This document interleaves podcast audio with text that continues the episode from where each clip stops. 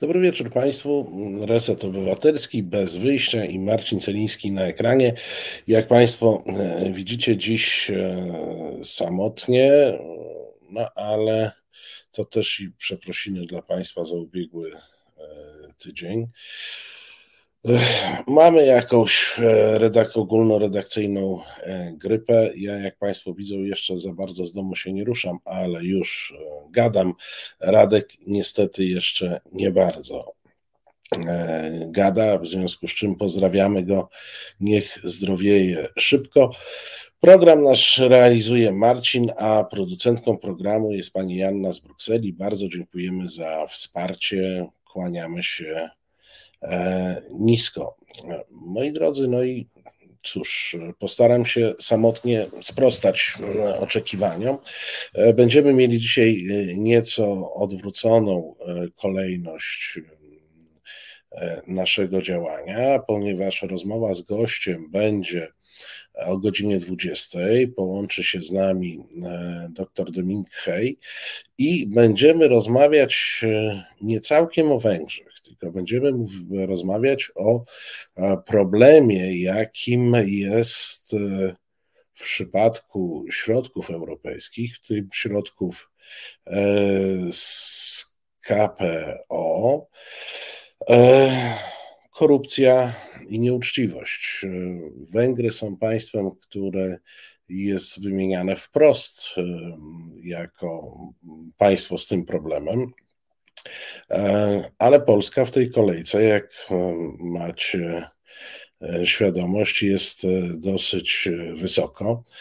Na pytanie, czy słuchawki są od Walkmana, otóż, proszę Państwa, tak się przyzwyczaiłem że jestem w studio, że się okazało, że nie mam żadnych przyzwoitych słuchawek dousznych e, na dzisiaj e, w domu, więc radzę sobie jak umiem i słuchawki mam takie, które służą do słuchania różnych innych rzeczy, niekoniecznie no, są trochę są trochę wyraziste, że tak powiem. Jakoś to Państwo zniesiecie. E, natomiast na początek, proszę Państwa, coś, co dla mnie jest e, hitem, nie dotyczy bezpośrednio e, tematyki naszego programu, ale, ale jest ciekawe. Ja Państwu przeczytam komunikat Ministerstwa Spraw Zagranicznych Rzeczypospolitej Polskiej. W związku z działaniami jednej ze stacji telewizyjnych, będącej, inwestor, będącej inwestorem na polskim rynku, Ministerstwo Spraw Zagranicznych zaprosiło ambasadora Stanów Zjednoczonych. MSZ uznaje, że potencjalne skutki tych działań są tożsame z celami wojny hybrydowej mającej na celu doprowadzenie do podziałów i napięć w polskim społeczeństwie. W związku z tym MSZ zaprosiło ambasadora Stanów Zjednoczonych, aby poinformować o zaistniałej sytuacji i jej konsekwencjach w postaci osłabienia zdolności Rzeczypospolitej Polskiej do odstraszania potencjalnego przeciwnika i odporności na zagrożenia. Proszę Państwa, jak e, myślicie, to pierwszy konkurs na dziś, o jaką stację i jakie zagrożenia może chodzić? No, czekam na Państwa, e, na Państwa e, typy. E, Marcinie, czy mógłbyś pozdrowić naszą dzielną Joannę, producentkę tego programu? Pozdrowiłem Adelbercie na samym początku, ale oczywiście z przyjemnością pozdrawiam po raz e, kolejny. Dziękowałem na wstępie e, programu. No, no, no. NVT do tyłu, TVN Kurwizja oczywiście nie, nie, nie, nie. TVN. E, no, proszę Państwa, To jest e, działanie MSZ-u związane ze stacją TVN. I wiecie, o jakie działanie hybrydowe, wpisujące się w wojnę hybrydową chodzi? Bo ja, prawdę mówiąc, przez moment nie wpadłem na to. E, naprawdę nie wpadłem, a wydawało mi się, że ja jestem taki w tych propagandach różnych rządowych mm, e, biegły. No, no. Osłabienie kultu JP2 osłabieniem obronności kraju. No, niestety, proszę Państwa, tak. Wyobraźcie sobie, że emisja reportażu, który ujawnia niewygodne fakty z życia Karola Wojtyły, późniejszego e, papieża Jana Pawła II wpisuje się w wojnę hybrydową, osłabia obronność państwa i jest powodem do e, wezwania ambasadora. Proszę Państwa, w dyplomacji nie ma czegoś takiego jak zaproszenie, jest wezwanie. Zresztą, jak wyłapał jeden z dziennikarzy, redaktor Tomasz Skory, e, pierwotna wersja mm, komunikatu na stronach MSZ-u brzmiała wezwanie. Tak, bo wzywa się ambasadora. E, nasi, proszę Państwa, dzielni rządzący e, nie wpadli jeszcze na to, że można by wezwać ambasadora Andriejewa, który sobie tam e, na Belwederskiej siedzi w tym swoim koszmarku e, pałacyku i ma się dobrze. I jeśli ktoś e, jeśli ktoś coś do niego ma, to jacyś bracia kremlowscy, żeby na klęczkach z nim wywiad przeprowadzić, a wzywa się ambasadora Marka Brzezińskiego, ze względu na raportaż o e, nieżyjącym e, papieżu. No, muszę Wam powiedzieć, że nawet komuś takiemu, kto nie spodziewa się za bardzo, jak wiecie, niczego dobrego ani mądrego po tych władzach, to nawet mnie do głowy nie przyszło, E, że mm, dyskutowany dzisiaj bardzo szeroko w Sejmie e, kult e, Karola Wojtyły czy kult Jana Pawła II, że jakby naruszenie tego kultu osłabia obronność kraju i wpisuje się w wojnę hybrydową. No, muszę Wam powiedzieć, że pełen szacun dla e, autorów tego pomysłu za wyobraźnię, to jest naprawdę wyobraźnia e, nieprzeciętna.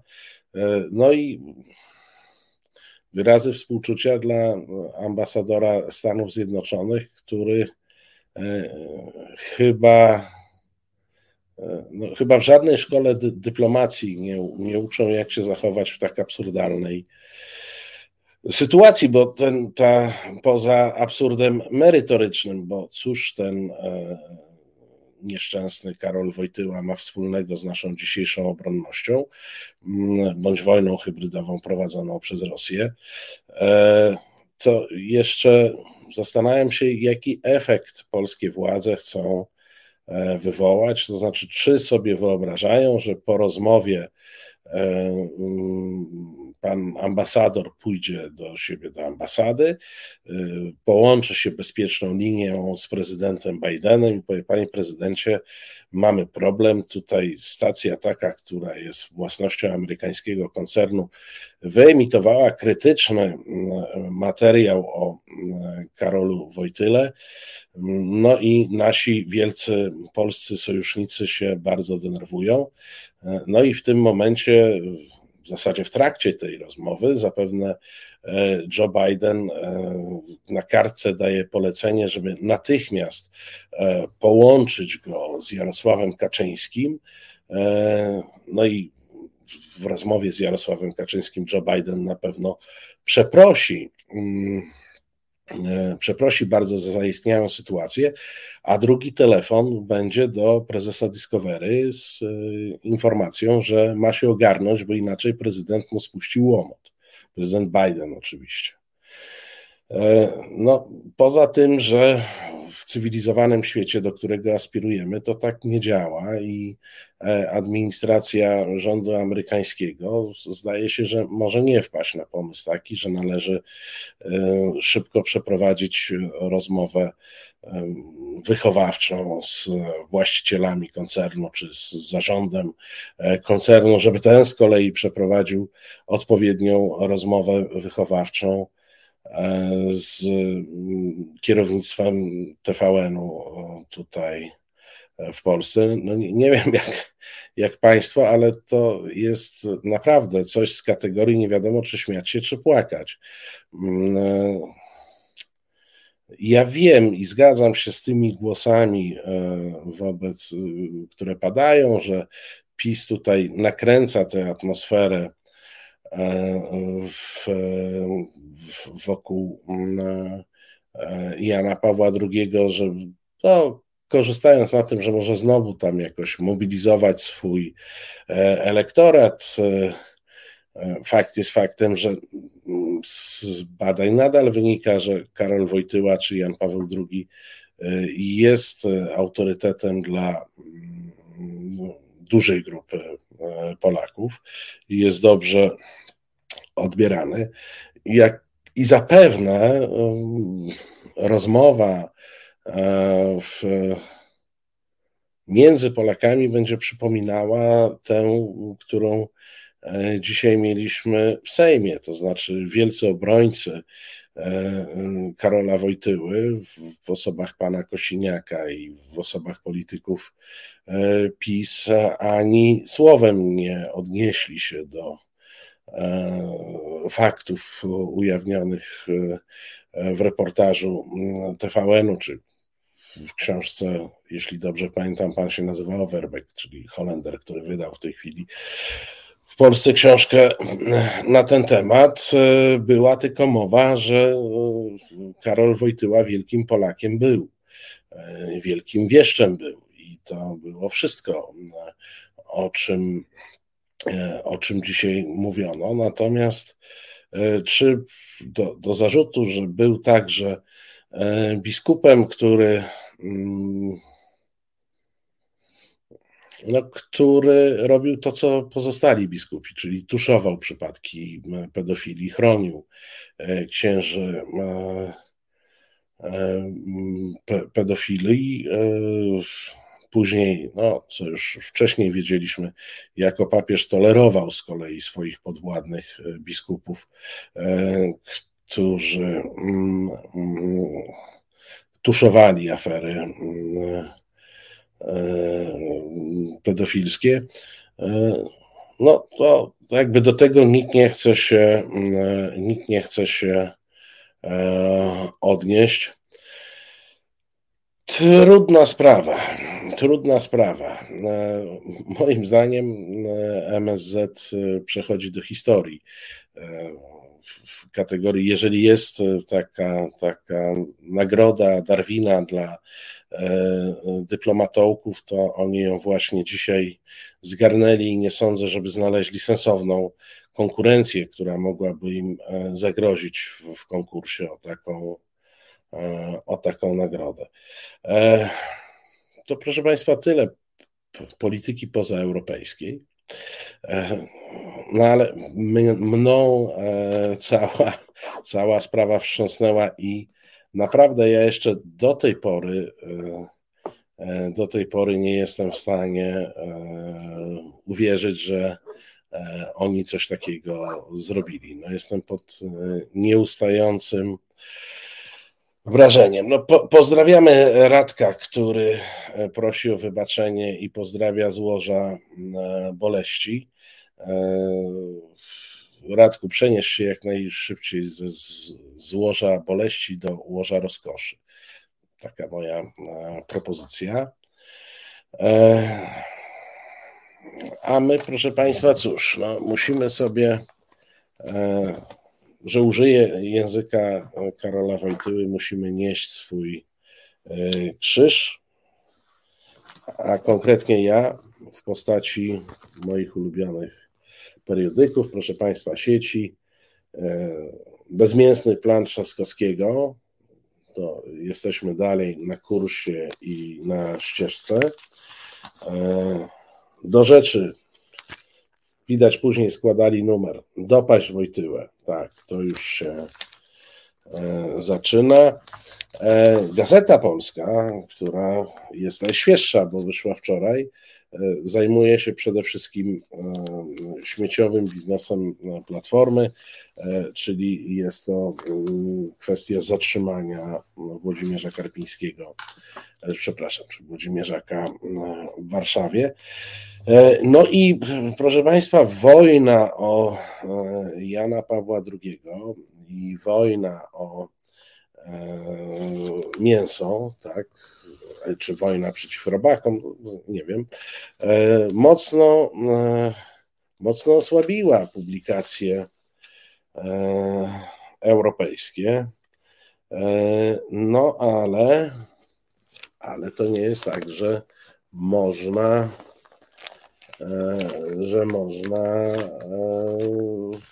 powiedzieć, że wykluczyła, bo oczywiście, proszę Państwa, nadchodzi ekodyktat, E, twórcami, to jest tekst Marka Pyzy w tygodniku sieci, e, twórcami tego ekodyktatu są oczywiście mm, e, grupa C40, ale wspierana trochę przez Szorosza, to stara śpiewka, ale ten Szorosz już nie jest taki ważny, mm, bo ważniejszy jest Bloomberg.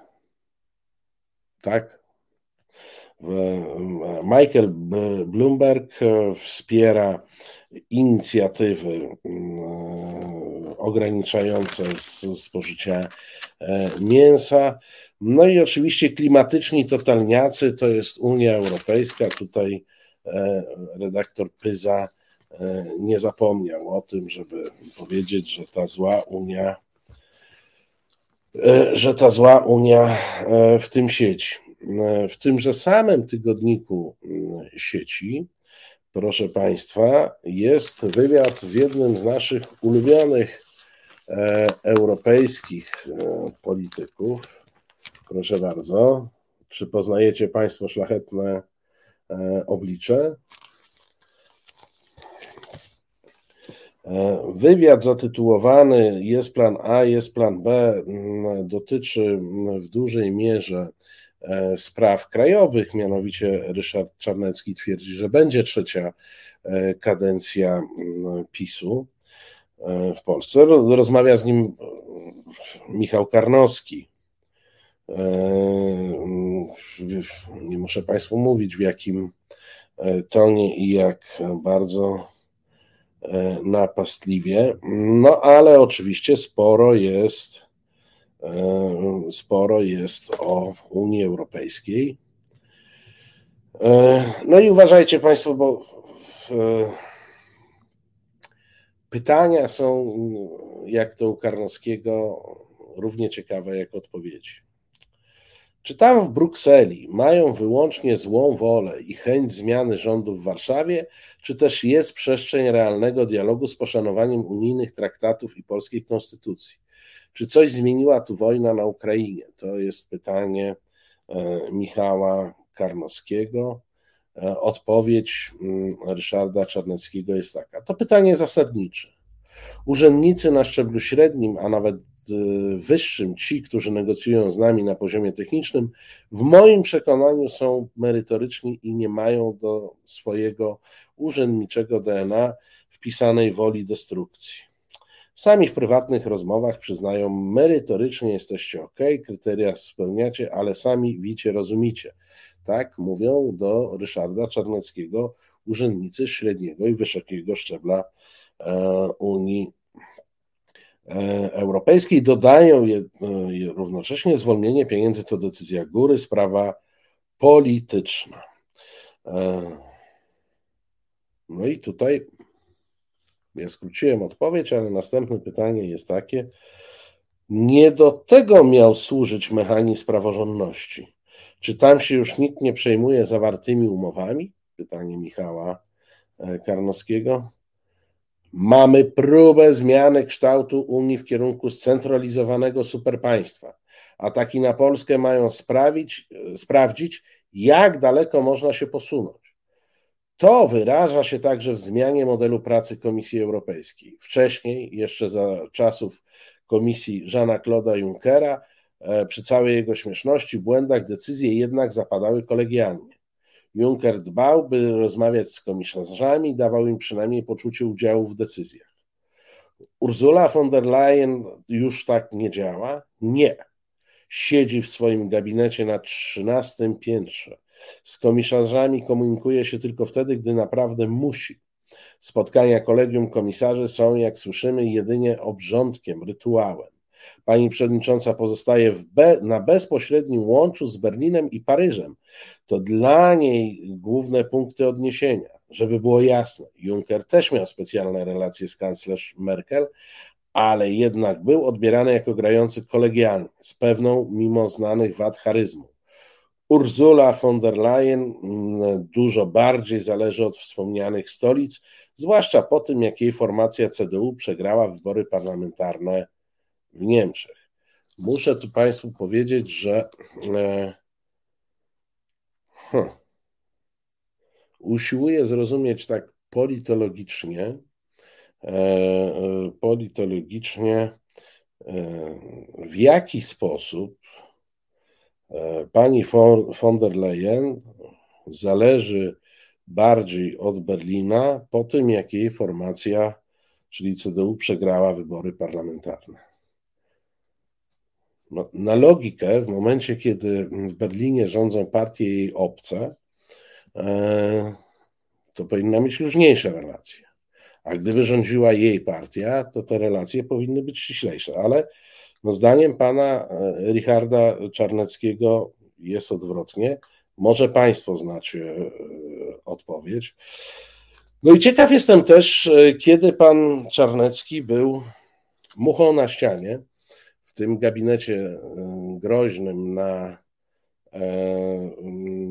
13 e, piętrze, że wie, że pani von der Leyen e, nie kontaktuje się z komisarzami, za to kontaktuje się z Berlinem i Paryżem. Jakieś podsłuchy, jakiś Pegasus.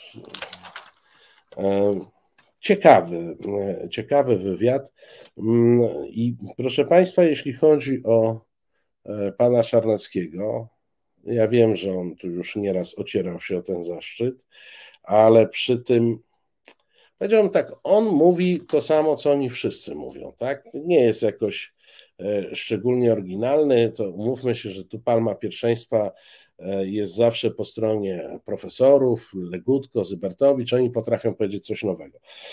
Ryszard Czarnecki nic nowego nigdy nie powiedział, ale ja uważam, że powinniśmy mm, e, docenić go co najmniej nominacją do polexitowca e, tygodnia za pracowitość. Proszę Państwa, bo to jest chyba najbardziej pracowity polexitowiec e, wszechczasów. Najbardziej. No, człowiek jest systematyczny, człowiek zawsze mm, występuje w tych mediach, co trzeba i jak trzeba. Naprawdę, no to jest mój kandydat, mm, to jest mój kandydat e, w, na polexitowca tygodnia za ten dosyć długi wywiad, którym ja Państwa nie będę męczył e, w, w całości. Natomiast no, przekaz jest ten, co mm, zwykle, e, ten, co zwykle, a mianowicie scentralizowane państwo niemieckie nas e, zagarnie. No i zam, żeby zamknąć e, mój ulubiony, przepraszam, to jest Radka ulubiony tygodnik sieci, bo mój ulubiony, zaraz do niego przejdziemy do rzeczy, mm, mm, to w tym tygodniku znajdujemy recenzję e, książki Bronisława Wilsteina. Nie wiem, czy Państwo zauważyli, ale od 2015 e, roku Bronisław Wilstein jest czymś na kształt, e, nie wiem, skrzyżowania Piotra Skargi z Adamem Mickiewiczem, trochę wieszczem, a, a trochę statystą, a, a, a może też, no, no, to ciężko, różne role pełni przypisie. Mm, no i popełnił e, książkę, której ja przyznaję się nie czytałem. Już sama recenzja powoduje, mm, powoduje że należy zauważyć myśliciela, który w tejże książce, z, jak relacjonuje Maciej Walaszczyk, pisze między innymi: W Polsce nigdy nie przeprowadzono prawdziwej debaty nad, y, przed wstąpieniem do Unii Europejskiej. Głosy ostrzegające przed włączaniem naszego kraju w federalny, zdominowany przez Niemcy i Francję projekt likwidujący suwerenności państwowe był wyśmiewany i banalizowany. Dziś Wilstein przyznaje, że traktat z Maastricht 1992 roku rozpoczął ten proces. E, jednak wojna powraca obecnie jako ogłuszające doświadczenie wspólnotowe, potwierdzające znaczenie narodu. Zdaniem autora jest też ostatnim momentem na likwidację obecnego kształtu Unii, by uratować Europę i Zachód jako cywilizację. Dlaczego? Bo narodowa przynależność określa dziś naszą elementarną identyfikację, a naród jest najbardziej stabilną ze wspólnot. Jednocześnie pandemia koronawirusa dowiodła, że to państwo narodowe wciąż stanowi optymalny sposób urządzenia zbiorowego życia. Okazało się bowiem, że w sytuacji zagrożenia unijna biurokracja nie potrafiła sobie poradzić z wyzwaniami, a interes własny państw członkowskich ostentacyjnie przeważał nad dobrem kontynentu. No, chciałoby się powiedzieć, i kto to mówi? Mówi to e, publicysta władzy, która najlepiej sobie poradziła e, z koronawirusem, jak Państwo, jak Państwo doskonale wiecie, i ze zwalczaniem samej choroby, tak na marginesie. Nie wiem jak u Państwa, ale w Warszawie, w różnych, jak w innych miejscach, ale e, w Warszawie mamy do czynienia chyba z falą zachorowań. e, na e, koronawirusa, bo bardzo wiele osób bardzo wiele osób mm, odczuwa takie mm, dolegliwości. W Polsce podobno stwierdzono przedwczoraj 14 tysięcy E, przypadków stwierdzono bez e, masowego testowania i pod tym podobnymi rzeczami, więc najprawdopodobniej w jakiejś złagodzonej e, formie koronawirus nam szaleje i to też na sumowanie na sumowanie tekstu Bronisława Wilsteina, który pokazuje wyższość państwa narodowego nad Unią Europejską, nad Unią Europejską, która chociażby zorganizowała nam e, zakupy, e, zakupy szczepionek, do których pewnie byśmy się tak szybko nie dopchali. A teraz, proszę Państwa, ktoś, kto moim zdaniem e, może a jestem prawie pewien, że pogrzebie mm, e, szansę mm, Ryszarda Czarneckiego na to, żeby został e, polexitowcem tego tygodnia, bo proszę Państwa, e, wywiadu udzielił super polexitowiec, joker polexitu, gigant polexitu. No nie wiem, co jeszcze powiedzieć. Niekwestionowany mistrz wszystkich wag polexitowych. No, wypowiedział nam się sam Jarosław Kaczyński. Zatrzymajmy się przy tym właśnie, czy, czy sobie poradzimy, bo w, w, polski rozwój uderza też fakt, że do dziś nie pozyskaliśmy jednak środków w ramach Krajowego Planu Odbudowy. Y, mowa w końcu o blisko co by nie mówić, panie prezesie, 160 miliardach złotych, w tym prawie 107 miliardów to dotacje, a ponad 51 miliardów to preferencyjne pożyczki. Y, panie prezesie, w otwarte karty te pieniądze trafią w końcu do Polski, czy nie trafią, a może są y, po prostu środki, które stały się swoistym zakładnikiem relacji politycznych? Ja mogę powiedzieć tak, to jest duża suma, ja tego nie kwestionuję. Mi na pewno by nam w tej chwili pomogła. E, I robimy wszystko, co można. Ja mówię o tym ośrodku rządowym, obozie politycznym, e, no, na którego czele stoję, żeby te środki otrzymać. No ale tutaj jest potrzebna współpraca różnych organów władzy, no nie zawsze. Tutaj mamy do czynienia z jednolitym stanowiskiem. Nawet jest, w ramach Zjednoczonej Prawicy. Jest, no tak, jest e, potrzebne jakby zrozumienie, o co tutaj chodzi i zrozumienie, że jeżeli o pewnych sprawach się rozmawia e, z czynnikiem zewnętrznym, bo Unia jest jednak wobec Polski czynnikiem zewnętrznym, bliskim, ale zewnętrznym, ale decyzje co do tego, co będzie zrobione, różnego rodzaju pomysły, y, to są pomysły polskie. Nie chcę w tej chwili wymieniać y, ich, ale no ja nawet wiem dokładnie, kto co wymyślił. Y, to, to może warto mm, wymienić. To można mm, powiedzieć, że to jednak jest nasza decyzja. I to jest decyzja, która jest trudna, wolałbym, żeby tak nie było. No, sądzę, że przyjdzie czas na odbudowę praworządności, bo rzeczywiście mamy dzisiaj w Unii wielką sferę bezprawia. No, proszę Państwa, Jarosław Kaczyński zapowiada, że weźmie się za odbudowę praworządności, e, ale tę praworządność będzie e, odbudowywał w Unii Europejskiej, bo jego zdaniem tam jest zagrożona praworządność i tam są jakieś wielkie e, e, jakieś wielkie problemy. No, powiedzcie Państwo, czy nasz geniusz gór świętokrzyskich z Żoliborza nie wykazuje się, powiedziałbym, niestandardowym poczuciem humoru. Ja to zawsze E, podziwiam. E, szczerze, szczerze podziwiam e, to poczucie humoru. Ale proszę Państwa, no jest, jest prost. Jarosław Kaczyński mówi, my tu jesteśmy, my zrobiliśmy wszystko. Unia Europejska jest niepraworządna, dlatego nie chce da, dać nam środków z KPO. No ale my się weźmiemy za Unię Europejską i odbudujemy tam praworządność E, zlikwidujemy strefy bezprawia.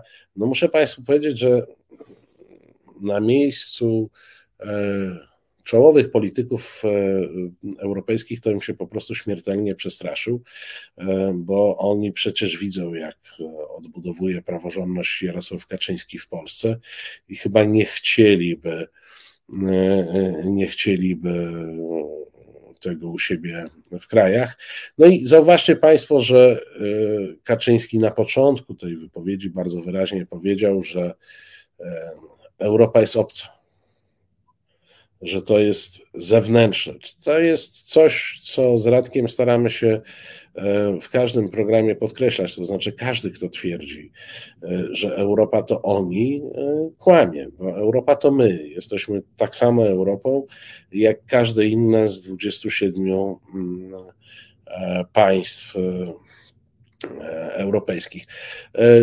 Kwestie mm, wirtualnego studia, w którym był pan Kaczyński na tej rozmowie, to myśmy już z Witoldem Beresiem mówili w e, niedzielę przy okazji e, innych, e, innych fragmentów tej rozmowy. Ja wtedy powiedziałem, tylko powtórzę, to tak schrzanionego greenboxa to w resecie nigdy nie mieliśmy. Jakkolwiek miewaliście Państwo uwagi do nas, często uzasadnione, ale tak, tak to nam się nie udało nigdy schranić. E, no ale oni mają 3 miliardy, tak? A my e, mamy szoroszy w, w, państwa, e, w państwa postaci. Moi drodzy, rusza ankieta. Ryszard Czarnecki czy Jarosław Kaczyński? Państwo głosują, mam nadzieję, mam nadzieję licznie po to, żeby wynik mógł być e, uznany. Pamiętajcie, że Jarosław Kaczyński zawsze wyznacza dodatkowe progi, przy których przyjmuje e, przyjmuje zaszczyty, więc Państwo dzisiaj decydujecie, kogo ten zaszczyt cotygodniowy e, spotka, a w tym momencie moment muzycznej przerwy. Zaraz wracamy, bo jeszcze przed nami co najmniej dwa tygodniki. Kawa w kawiarni kosztuje Cię więcej niż miesięczne wsparcie resetu. Prosty wybór, prawda? Wejdź na resetobywatelski.pl i kliknij w Obywateluj z nami. Jesteśmy. Myślałem, że jeszcze będzie zapowiedź jakiegoś e, programu i tak e, wskakuje zaskoczony nieco e, Celiński na ekran. Marcinie, jak tam mamy, jak tam mamy z wynikami głosowania? Może pokażesz?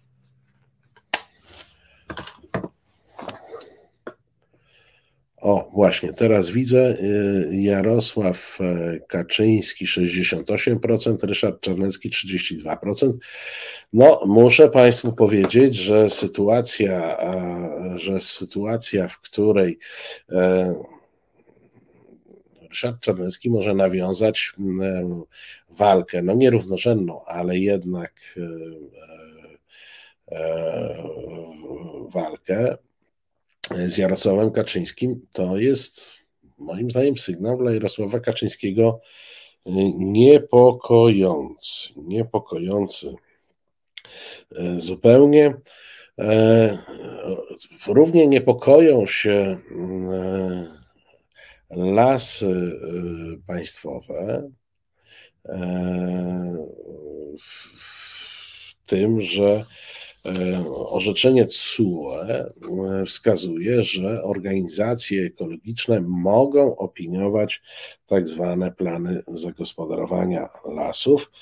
W związku z czym, proszę Państwa, w e, moim ulubionym tygodniku do rzeczy pojawił się tekst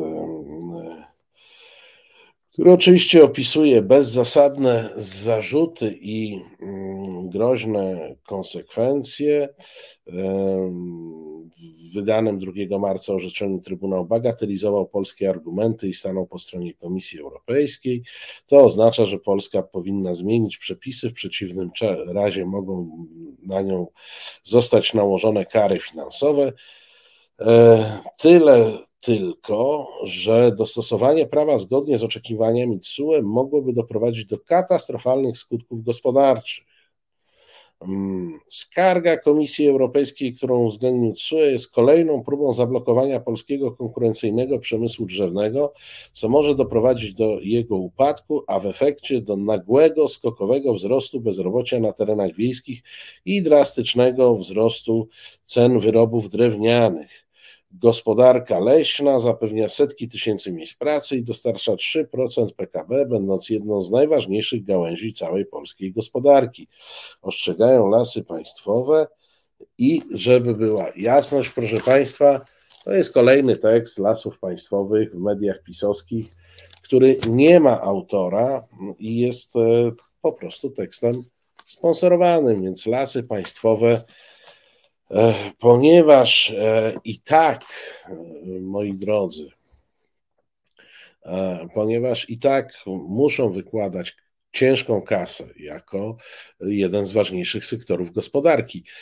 Muszą wykładać ciężką kasę na mm, tygodniki prawicowe, to przy okazji wpuszczają sobie taki mm, E, e, takie teksty w te tygodniki. No i jest zagrożenie jeszcze jedno. Państwo już znają pana Tomasza Cukiernika, e, autora do rzeczy. Zajął się tym razem zakazem kotłów gazowych. Komisja Europejska planuje wprowadzić zakaz montowania kotłów zużywających paliwa kopalne. No i e, pan cukiernik wymienia kraje, gdzie już takie zakazy funkcjonują, e, gdzie są ograniczenia, e, gdzie będą albo już są ograniczenia, gdzie na przykład w Holandii hybrydowe pompy ciepła będą standardem obowiązkowym. E, no ale dochodzimy do odkrycia spisku. dla Brukseli to za mało, dlatego chce wdrożyć regulacje na szczeblu unijnym. W ramach Europejskiego Zielonego Ładu wymyślono pod pretekstem przeciwdziałania zmianom klimatycznym i ratowania planety oraz unijnej E, strategii Repower EU, EU będącej odpowiednikiem, odpowiedzią na rosyjską inwazję na Ukrainie, a realizującą m.in. odchodzenie od rosyjskiego gazu ziemnego, Komisja Europejska planuje wprowadzić ogólnounijny zakaz instalacji kotłów węglowych, olejowych i gazowych. Zakaz taki e, odnośnie e, do nowego budownictwa miałby zacząć funkcjonować od 2027, a w przypadku modernizowanych domów 3 lata później. Pomysł nie wprowadza konieczności wymiany już zainstalowanych kotłów na paliwa kopalne. Tu trzeba oddać uczciwość panu cukiernikowi, że to zauważył, ale dodaje na razie. Czyli kolejny krok to będą komisje, które będą te kotły rozwalać. Ja myślę, proszę Państwa, bo to nieraz rozmawiamy, to, czy, to dotyczy aut, czy to dotyczy jakichś innych aspektów e, modernizacyjnych. Myślę, że dla e, tej części e, naszego społeczeństwa, która ma takie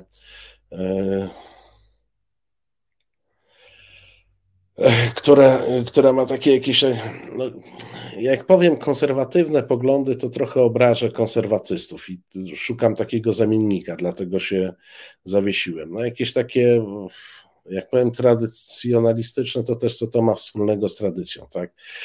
Kocioł węglowy, który raptem 200 lat temu zaczął e, funkcjonować w miarę mm, e, e, powszechnie, E, ale im się to łączy, taka niechęć do wszystkiego, co jest modernizacją, niechęć do wszystkiego, co jest e, wynikiem e, pracy naukowej, odkryć naukowych, wiedzy racjonalnej, z interesami, no i szybko idzie. No, dlaczego taki autor pisze pod pozorem walki z czymś? No, proszę Państwa, czy ktoś z nas ma jakieś wątpliwości, czy ktokolwiek, kto ma bazową wiedzę o fizyce i chemii, e, może mieć wątpliwości co do tego, że paliwa kopalne, e, spalane, wytwarzają gazy, które e, nam szkodzą bezpośrednio, a przy okazji powodują efekt cieplarniany, no to jest wiedza powszechnie znana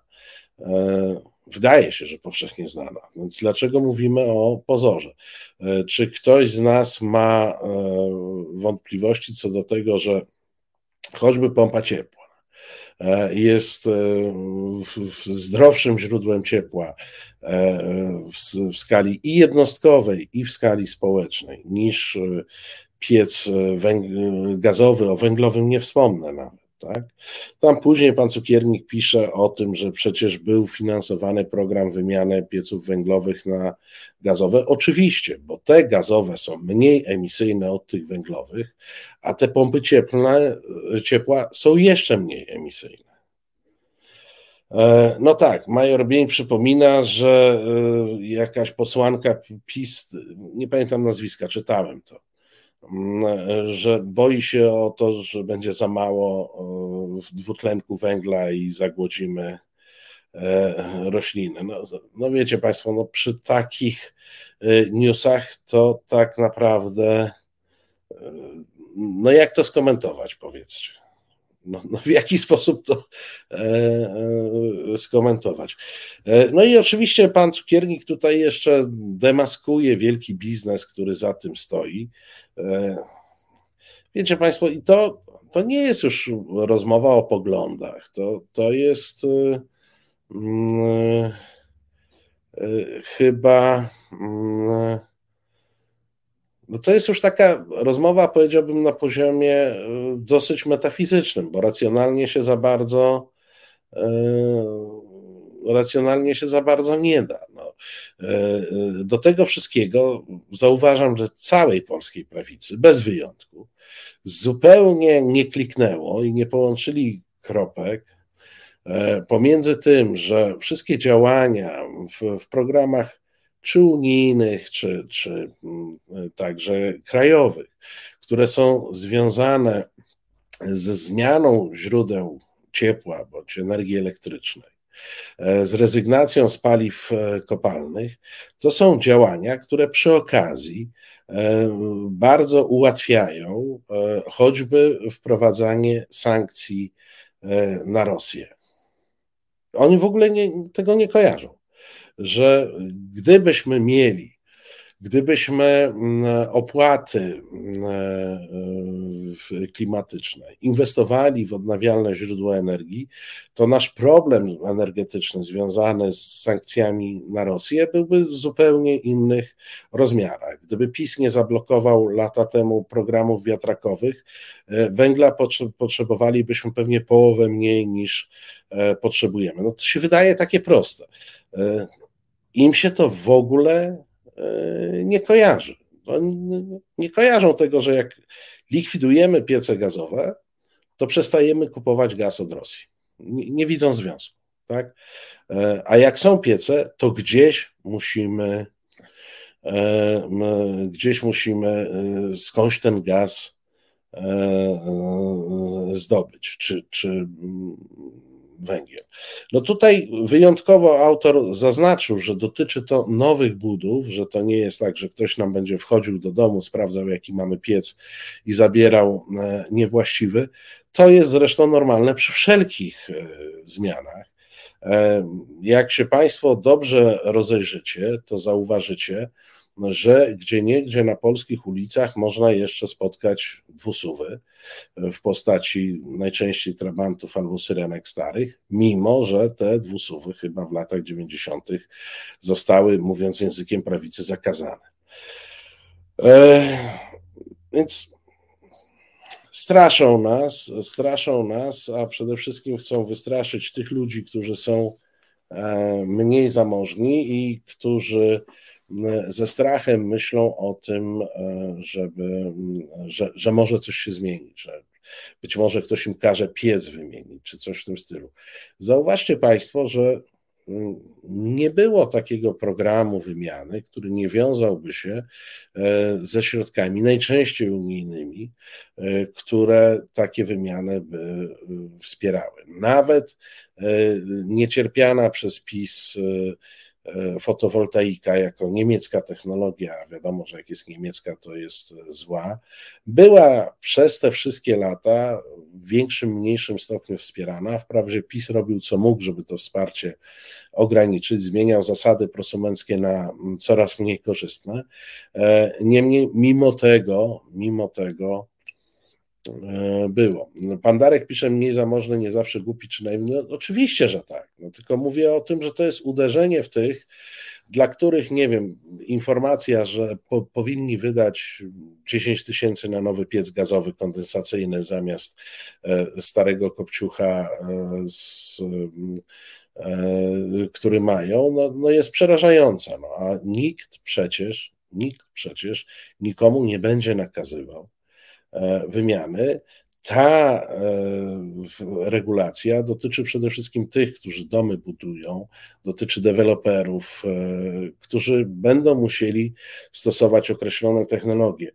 I ja nieraz także w tym programie mówiłem, proszę Państwa, to jest cały czas tak, że mm, rozwijamy się. Czy tego konserwatyści, tak zwani konserwatyści chcą, czy nie. E, państwa, duże państwa wydają e, wielkie pieniądze na badania naukowe. Z tych badań naukowych coś wynika. E, wynikają przeróżne innowacje, które potem są wdrażane. Często są wdrażane w formie zmian w prawie, które to zmiany mają doprowadzić do tego, żeby powietrze było czystsze, bądź było oszczędniej, bądź było wygodniej. E, I to jest proces naturalny. To jest proces absolutnie naturalny. No i proszę Państwa, na koniec tego szybkiego przeglądu tuzów polexitu, proszę Państwa, Gazeta Polska, Kolejne zagrożenie, proszę Państwa, znowu możecie się bać. Nowe zielone projekty. Uwaga, to Gazeta Polska oczywiście zajmuje się przede wszystkim aferą związaną z gospodarką śmieciową w Warszawie, ale Urzędnicy Unii Europejskiej oraz zieloni i socjaliści szykują w Brukseli nowe przepisy, które zakładają ograniczenie stosowania w rolnictwie pestycydów o 50-80% do roku 2030. Chcą też wprowadzić całkowity zakaz ich używania na obszarach wrażliwych. Wielu ekspertów i posłów ostrzega, że w efekcie znów znacznie wzrosną ceny żywności. Tych ekspertów się nie przywołuje, wiemy, że jest ich wielu. No proszę Państwa, jak to, mm, jak to ocenić? No, no znowu w ten sam sposób. E, pestycydy były wielkim e, wynalazkiem i dużym krokiem ludzkości jako takiej. Nie, nie zawaham się e, e,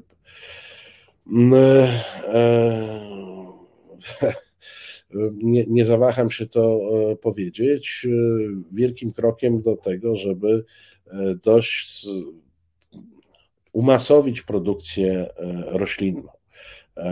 No, niestety po drodze wyszły, że te pestycydy mają, jak mawiał klasyk, plusy ujemne. Często szkodzą nam, często szkodzą E, zwierzętom, w związku z czym jest rozważany projekt e, ograniczania tych pestycydów, ale zauważcie Państwo, że takie projekty są wdrażane najczęściej wtedy, kiedy już jest nowa technologia, e, która powoduje, że można utrzymać tę samą wydajność produkcji i tym podobne rzeczy. No i ale bójmy się, wszystkie te, te wieści, to znaczy sposób ich przedstawiania, bo ja nawet nie powiem, że to jest nieprawda, co oni piszą. No prawda jest, są projekty ograniczenia pestycydów, generalnie rolnictwo ma być przestawiane na bardziej e, ekologiczne tory. Są projekty i będą projekty e, ograniczania hodowli zwierząt i ze względu na e, produkcję metanu w, tych, w tych miejscach i ze względu e, na to, że e, często ta produkcja zwierzęca przenosi różne choroby i to także wiemy, to jesteśmy też po, po doświadczeniu e, covidowym. E, no właśnie, e, kiedyś w Stanach ograniczono DDT. Tak, no, no były wynalezione, no proszę Państwa, kiedyś wynaleziono amfetaminę po to, żeby lotnicy byli efektywniejsi w pracy w czasie II wojny światowej, a w tej chwili amfetamina jest zakazana. No, a e, w trakcie e, bitwy o Anglię każdy lotnik dostawał amfetaminę tak jak kawę. No, po to, żeby poprawić mu koncentrację i poprawić wytrzymałość mm, e, w tym wszystkim. Więc tak, bywają wynalazki, z których się wycofujemy. Maszyna parowa i lokomotywa to były genialne wynalazki. W tej chwili nikt ich już w normalnym świecie nie używa. Mm, proszę Państwa, mm, oczywiście Gazeta Polska nie byłaby gazetą polską, gdyby nie zabrała e, mm, głosu na temat lasów państwowych. Tutaj piórem e, Jacka e, Liziniewicza, także znanego Państwu publicysty. No i Dotyczy to tego samego orzeczenia CUE. Oznacza to ni mniej, ni więcej, że Polska powinna dać możliwość organizacjom ekologicznym zaskarżania planów urządzenia lasu do sądów. Jak to się skończy, już w zasadzie wiemy, bo niektórzy aktywiści wykorzystują inne przepisy, by zaskarżać poszczególne plany. Z taką sytuacją mamy miejsce w Puszczy Białowieskiej. E, od grudnia 2017 toczy się tam sprawa z powództwa pracowni na rzecz wszystkich istot, która zaskarżyła tamtejszy plan urządzenia lasu. Natychmiast wniosła o zabezpieczenie ustanawiające zakaz wycinania drzew. Oczywiście sąd się ku temu przychylił, zapewne były do tego do tego przesłanki. Mm, proszę Państwa, lasy państwowe, jako ten wielki sektor zagrożony, e, utrzymują e, tygodniki, tygodniki prawicowe, więc w każdym z nich przeczytacie, jak bardzo wszystko, co mogłoby spowodować jakąkolwiek kontrolę czy nadzór e, nad działaniami tej firmy, mm, i bez względu na to, kto zgłosi ten pomysł, wszystko to jest szalenie szkodliwe. Proszę Państwa, tyle przeglądu ulubionej naszej e, prasy. Państwo głosujecie w ankiecie, przypominam, e, że ona jest aktywna, a już po przerwie porozmawiamy o tym, czy korupcja może przeszkadzać w europejskości. Naszym gościem będzie dr Dominik Hej. W tej chwili króciutka muzyczna przerwa. Nie uciekajcie Państwo, my też za chwilę wracamy. Podobają Ci się nasze programy? Więcej treści znajdziesz na naszym portalu resetobywatelski.pl. I już jesteśmy. E, naszym, e, moim Państwa gościem jest dr Dominik Hej. Dobry wieczór. Dobry wieczór, dobry wieczór. E, słyszymy bohatera drugiego planu gdzieś tam, ale to tylko dodaje nam e, uroku e, w tym programie. Dominiku, Komisja Europejska uznała, że środki unijne przekazywane Węgrom są, są zagrożone. Dlaczego? To jest pytanie o to, o którym takim stwierdzeniu Mówię, mówimy. Znaczy, że są zagrożone e, systemową e, korupcją, tak. że są wątpliwości co do e, procedur ich wydatkowania. To jest tak naprawdę gdzieś wrzesień ubiegłego roku, kiedy po raz pierwszy aż tak dobitnie uznano, że Komisja Europejska będzie wnioskowała o to, żeby zawiesić fundusze spójności Węgrom ponad 6 miliardów euro. I to jest ten moment, w którym uznano, że system sądownictwa, ale tylko w wymiarze, który dotyczył wydatkowania środków unijnych, prokuratura, służby szeroko rozumiane, nie będą w stanie zagwarantować w, zas w zasadzie właściwego nadzoru nad tymi środkami finansowymi. E, no i tak się o tyle później stało, że finalnie 16 e, grudnia, jeśli dobrze pamiętam, Rada Unii Europejskiej e, stwierdziła, że te środki zawiesi. E, zmniejszono tylko mm, ten udział procentowy tych środków, które, które mają być zawieszone. Natomiast to, co jest ciekawe, to to, że tam wpisano taki ciekawy zapis, który de facto nic Węgrom nie zrobił. To znaczy, że te pieniądze zostaną tak naprawdę zawieszone dopiero wtedy, kiedy Węgry przez dwa lata czegoś nie zmienią. Na bardzo szybko ten taki legislacyjny ekspres teraz dostosowujący prawo unijne, nie, przepraszam, węgierskie do unijnego ruszył, no i pędzi. No ale powiedz, co było powodem, no bo to nie jest tak, że ktoś raptem siada i mówi, no dobra, nie lubimy Orbana, e, to uznajemy, że u niego te środki nie są e, bezpieczne. Rozumiem, że chodziło o jakieś e, konkretne przypadki.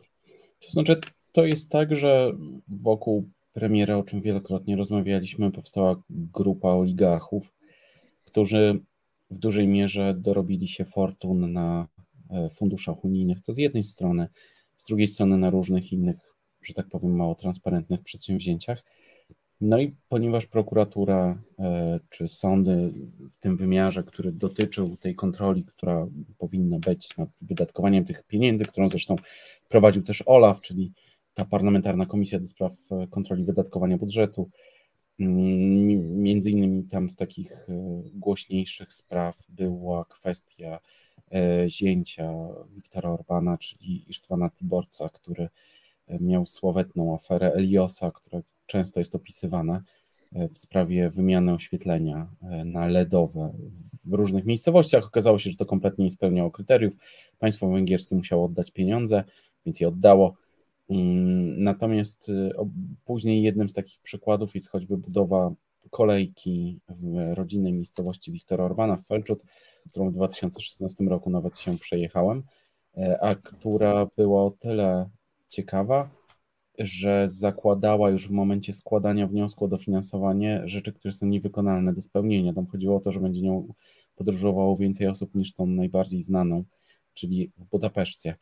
W związku z tym to już z gruntu było wiadomo, że, że coś będzie nie tak. No i reasumując, to jest ten jed, ta, ta jedna odnoga tego wszystkiego, a druga, która ostatnio była głośniejsza, ale to chodziło cały czas o, o te same środki, czyli w ramach Funduszu Spójności. To jest Erasmus i to, że z powodu zmiany w 2021 roku, w kwietniu, e, ustawy o zarządzaniu majątkiem uczelni, tego w jaki sposób e, państwo przekazało kontrolę nad uczelniami takim radom powierniczym, w skład których weszli członkowie Fidesu i innych e, tacy dość polityczni, no to się okazało, że teraz Komisja Europejska między innymi w tym samym momencie, właściwie Rada Unii, którym blokowała w 16 grudnia pieniądze na różne, jakby w ramach Funduszu Spójności na różne części, no to też zablokowała pieniądze na Erasmusa, ale znowu w perspektywie nie teraz, tylko 2024. W związku z tym już jest coraz więcej mowy o tym, że te pieniądze zostaną po prostu wypłacone spokojnie, dlatego że już w parlamencie zaraz będzie projekt zmieniający, który po prostu z rad usunie tylko polityków, ale na przykład samorządowców. Mm, też środowiska Fidesz KDNP zostawi. E, słuchaj, no dobrze, ale mówisz, że mm, e, znaczy zakładasz, że mm, Fidesz e, poprawi prawo, bo mnie się nasuwają analogie związane z tym, że no PiS też nam kilkukrotnie e, obiecał, że naprawi prawo w różnych aspektach e, związanych no, w naszym przypadku z praworządnością, ale także po to, żeby usunąć przeszkody w otrzymaniu środków z KPO i ten proces, powiedziałbym, trwa i trwa mać, e, jak, jak mówili starożytni e, Polacy. E, zakładasz, że Viktor Orban po prostu sprawnie wyprostuje i, i po to środki sięgnie, czy też będzie pogrywał? To jest bardzo proste, żeby zmienić to prawo z racji tego, jaką Fidesz ma większość, tego, że de facto wszystko kontroluje premier to jest e, tak, że już bardzo dużo tych, nazwijmy to kamieni milowych, zostało już spełnionych. W związku z tym e, to jest tak, że ekspres, między innymi tym tłumaczono, dlaczego nie, nie zdecydowano się na ratyfikację e, rozszerzenia NATO, to znaczy, że nie było na to czasu, dlatego że trzeba było dostosować prawo węgierskie do unijnego. W sierpniu ubiegłego roku pojawiło się taki, taka takie decyzja rządu podpisana przez Viktora Orbana, której delegował coś do zrobienia, gdzie i kiedy i kto za to odpowiada. I faktycznie, jak tylko się zaczął wrzesień i zebrał się parlament, to jedna za drugą ustawy szły przez, przez parlament natychmiast do podpisu, żeby natychmiast je opublikować i odblokować te pieniądze. I jakby dowodem na to, że to w dużej mierze było skuteczne, jest to, że w grudniu, w ostatnim możliwym terminie, zaakceptowano węgierskie KPO, aczkolwiek znowu oczywiście podano E, bardzo dokładne kamienie milowe. Stwierdzono, że nie wszystko jest tak, jak być powinno, tylko pod słowetnym słowem praworządność, które Węgier też dotyczy, jest trochę coś innego dla Węgier, a innego dla Polski. W tym mniemaniu, że y, y, bardzo dużo rzeczy, które zrobił Fidesz po 2010 roku, już dawno zostało zalegitymizowanych przez Komisję Europejską, przez Unię Europejską. Zresztą dowodem jest to, że bardzo szybko są decyzje już komunikowane przez Komisję Europejską, że e, nie będzie tak źle z tymi pieniędzmi z funduszy spójności, że je się odblokuje i tak dalej, i tak dalej. W związku z tym teraz na przykład wszystko, co jest związane z rozszerzeniem NATO, z tymi dwoma komisjami, które były w Szwecji, w Finlandii, żeby przeprowadzić, jak napisałem w dzienniku Gazecie Prawnej, rozmowy wychowawcze e, z mm, parlamentarzystami z tych obydwu państw, bo jak twierdzą władze, od Sasa do Lasa po szerokości, E, cały problem polega na tym, że, że Węgry obrażano e, i e, zarzucano im właśnie, że są niepraworządne i teraz chciano porozmawiać o tych kwestiach, by wyjaśnić, że tak nie jest. A tak naprawdę to jest ostatni moment, w którym Węgry są w stanie szantażować instytucje unijne, Radę Unii, szczególnie z uwagi na to, że Szwecja ma tam prezydencję, a z drugiej strony mm, Komisję Europejską o to, żeby te pieniądze E, dla Węgier odblokować, bo i sytuacja finansowa Węgier jest e, dramatyczna. E, fakty, faktem jest, że inflacja się zatrzymała, to znaczy nawet spadła o 40 punkta procentowego, ale i tak to jest lata świetlne przed innymi państwami, a pod względem inflacji w, w żywności, no to to jest lata świetlne przed zdecydowanie wszystkimi.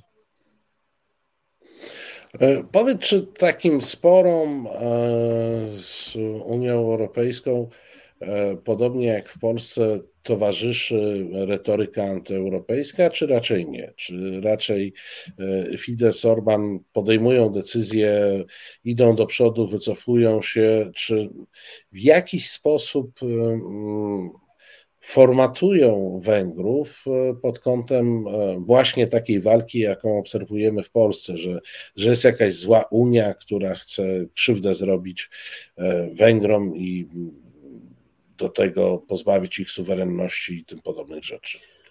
To, jaka jest retoryka wobec Unii Europejskiej od 2012 roku na Węgrzech, myślę, że jest niepowtarzalne.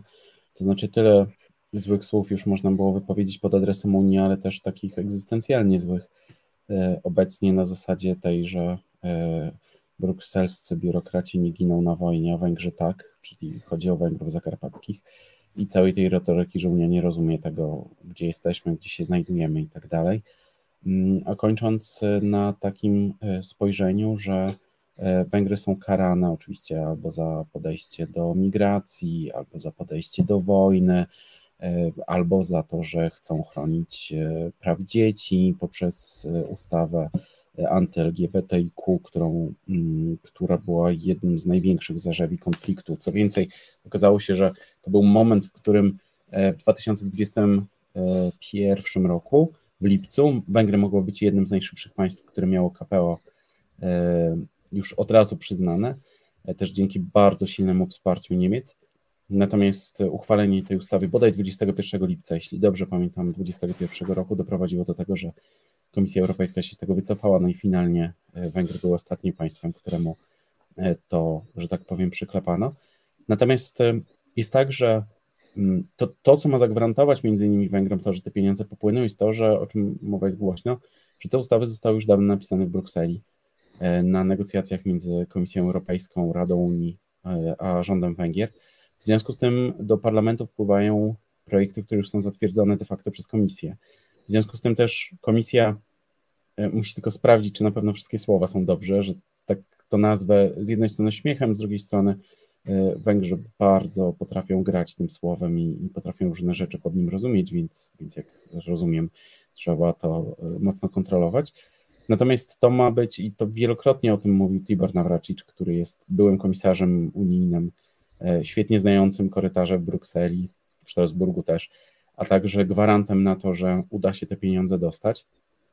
I tak naprawdę z najtrudniejszych rozmów on wraca e, i, i, i, musi się tłumaczyć z tego, co się dzieje z pieniędzmi, gdzie one są i na jakim to wszystko jest etapie, ale w takiej ogólnej narracji wobec Unii Europejskiej, moim zdaniem, ona jest niespecjalnie zmienna w czasie, czyli cały czas jest w zasadzie jednoznacznie negatywna. E, aczkolwiek e, no, są konkretne działania przy, myślę, że w dużej mierze takim założeniu, że polityka, czyli ustawodawstwo, legislacja szeroko rozumiana to jedno, e, a retoryka to drugie. W związku z tym liczy się to, co przez parlament przechodzi, a formalnie, teoretycznie przechodzi to, co komisja by chciała. A to też jest później ciekawe, jak wyglądają finalne ustalenia ostateczne, no ale póki co wszystkie są e, przyjmowane, kiedy pojawia się jakakolwiek niesnaska, no to do Brukseli od razu leci właśnie Tibor Nawracicz albo minister sprawiedliwości Judith Warga. E, Warga jest o tyle ciekawą postacią, że ona nieprawdopodobnie krytykowała Komisję Europejską za wszystko, co się da. Mm, nazywała e, komisarz Werę Jurową personą non grata na Węgrzech, no a teraz z nią negocjuje i to negocjuje, mm, nie chciałbym nazwać słowa pokornie, ale mocno chowając dumę, o może w ten sposób, e, dzięki czemu się udaje e, porozumieć. Tam musiały być całe takie zdjęcia uśmiechnięte e, tych wszystkich negocjacji. Na, na stole leżą bardzo konkretne pieniądze, które są Węgrom bardzo potrzebne i jakby Fidesz też sobie z tego zdaje sprawę, że wszystkie pomysły na zastąpienie tych pieniędzy środkami spoza Unii Europejskiej są nierealne do spełnienia. W związku z tym to jest jedyny moment, gdzie te pieniądze się da mieć. No i też ostatni moment, w którym da się te pieniądze jakkolwiek wymusić, dlatego że jeżeli e, okienko NATO się zamknie, to Węgry już nie mają żadnego wpływu na, na Komisję Europejską. Byłby moim zdaniem jeszcze jeden, jedyny ostatni moment, czyli e, komisarz e, Warhej węgierski, który byłby w stanie mm, jakby tutaj coś próbować jeszcze, że tak powiem, blokować, a, a że opiekuje się polityką rozszerzenia i sąsiedztwa, to do tego duża przestrzeń jest. E, natomiast e, Węgry sobie doskonale zdają sprawę, że to jest ostatni moment i koniec. Chciałem Cię zapytać o ten węgierski fenomen gospodarczy, e, bo mm, no mamy ugruntowaną opinię, że odcięcie się od rosyjskich źródeł czy paliw, czy energii powoduje drożyznę. Jest to do jakiegoś stopnia uzasadnione, bo oczywiście ropa czy gaz z Rosji y, są e, tańsze y, niż sprowadzane choćby drogą morską, a jak wiadomo, ta część Europy jest podpięta e, rurami raczej do Rosji niż do e, innych źródeł.